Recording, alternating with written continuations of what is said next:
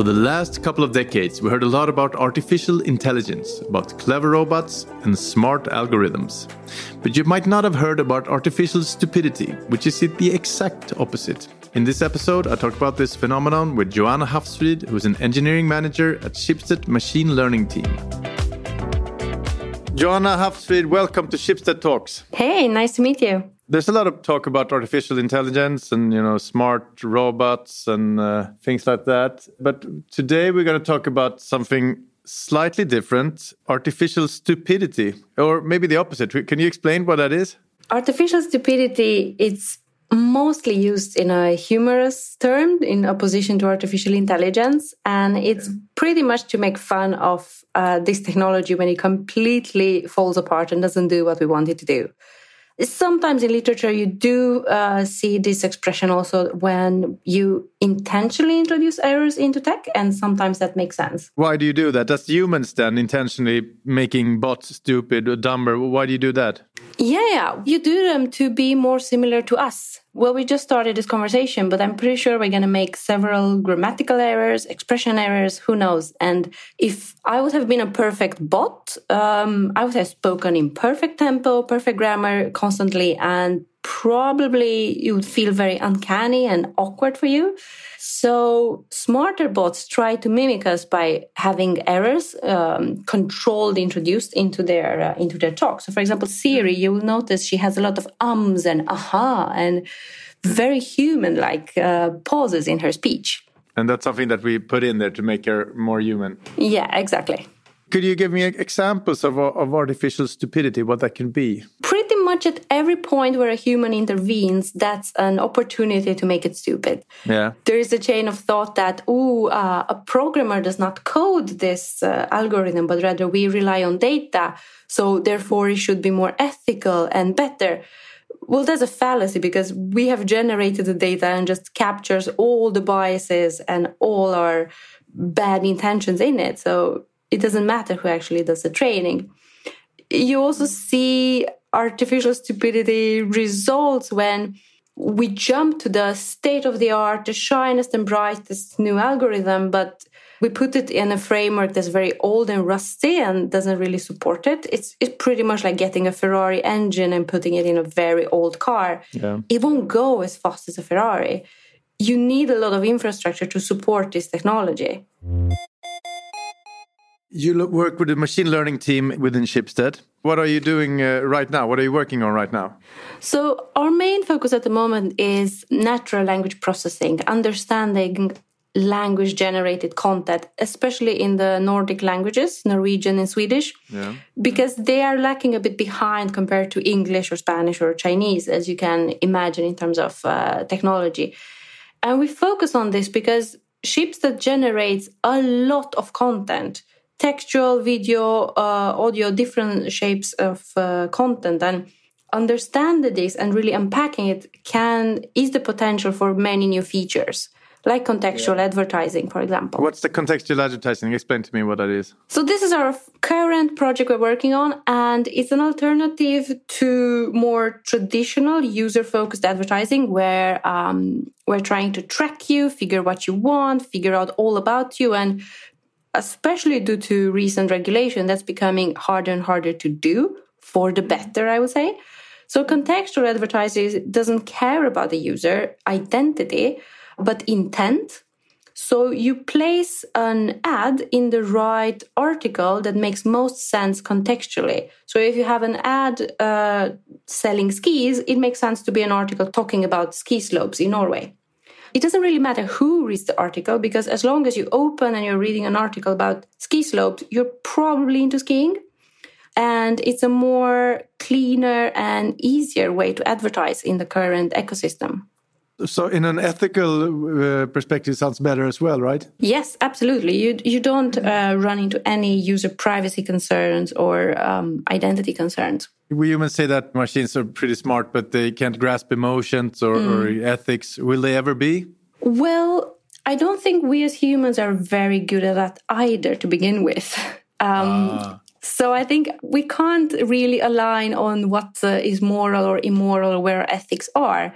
And there's a lot of conversation happening between us to agree on that. So I think part of the difficulty there is not necessarily technical, but more philosophical and what is ethical to do or not do with this technology. But there are very interesting progresses, especially in the um, automated uh, driving um, environment. So, Germany has created an ethics commission and they are demanding certain ethical rules to be coded in any autonomous cars in Germany. I think the furthest in terms of um, regulating this type of devices. And for example, one rule they have is that a car cannot make a decision based on the appearance of pedestrians. So it can't choose between a child and an old man, you know, if it has to kill one. Exactly. If it cannot avoid a collision with two pedestrians, the car cannot choose based on how they appear. If they're a man, a woman, different uh, ethnicity, or different ages. And actually, the age one has caused most, most debate. Shouldn't they go for the old guy then? Some say it should, and you should maximize potential years of living. Uh, yeah. It's a common triage uh, ethics rule as well, but apparently this commission in Germany decided otherwise.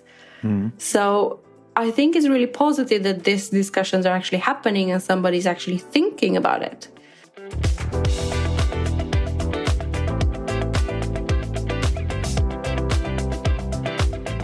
in which areas does artificial intelligence shine and in which areas is it far behind?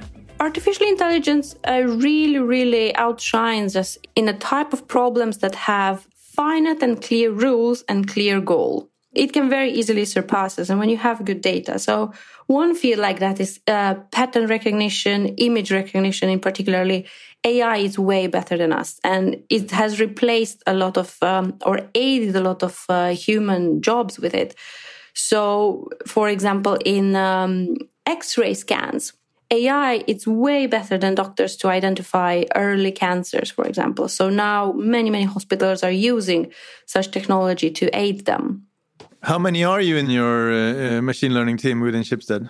So we are currently six people: data scientists and engineers say that I have a, this great idea that, that I want you to help me with within, for say, Svenska Dagbladet in Sweden. Mm. Uh, how do I go about um, getting your help? Yeah, fantastic. Well, you either go straight to our Slack channel, uh, machine learning channel, either to me, either to my uh, product manager, Ludwig.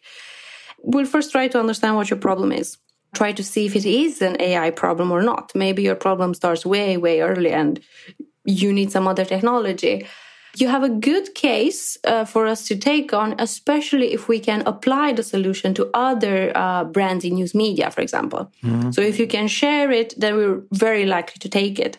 Like a project we are um, handing over now and is being released, the print prediction, which we built for Aftonbladet, where we tried to predict how many physical newspapers will be sold in each uh, vendor in Sweden to reduce cost of printing uh, and uh, waste. And uh, this is the type of project that now we want to lend to others very easily.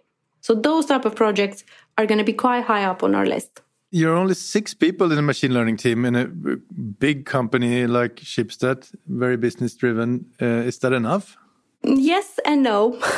There's a bit two different chains of thought. On one hand, um, we do believe that this technology should be adopted locally where it's needed. So if you have a brand that wants to really harness this technology, you probably should invest in it yourself. There is also a very strong case for a central group like us to enable and help the brands get up to speed on this technology. But I don't think the effort should be in only one of the cases now.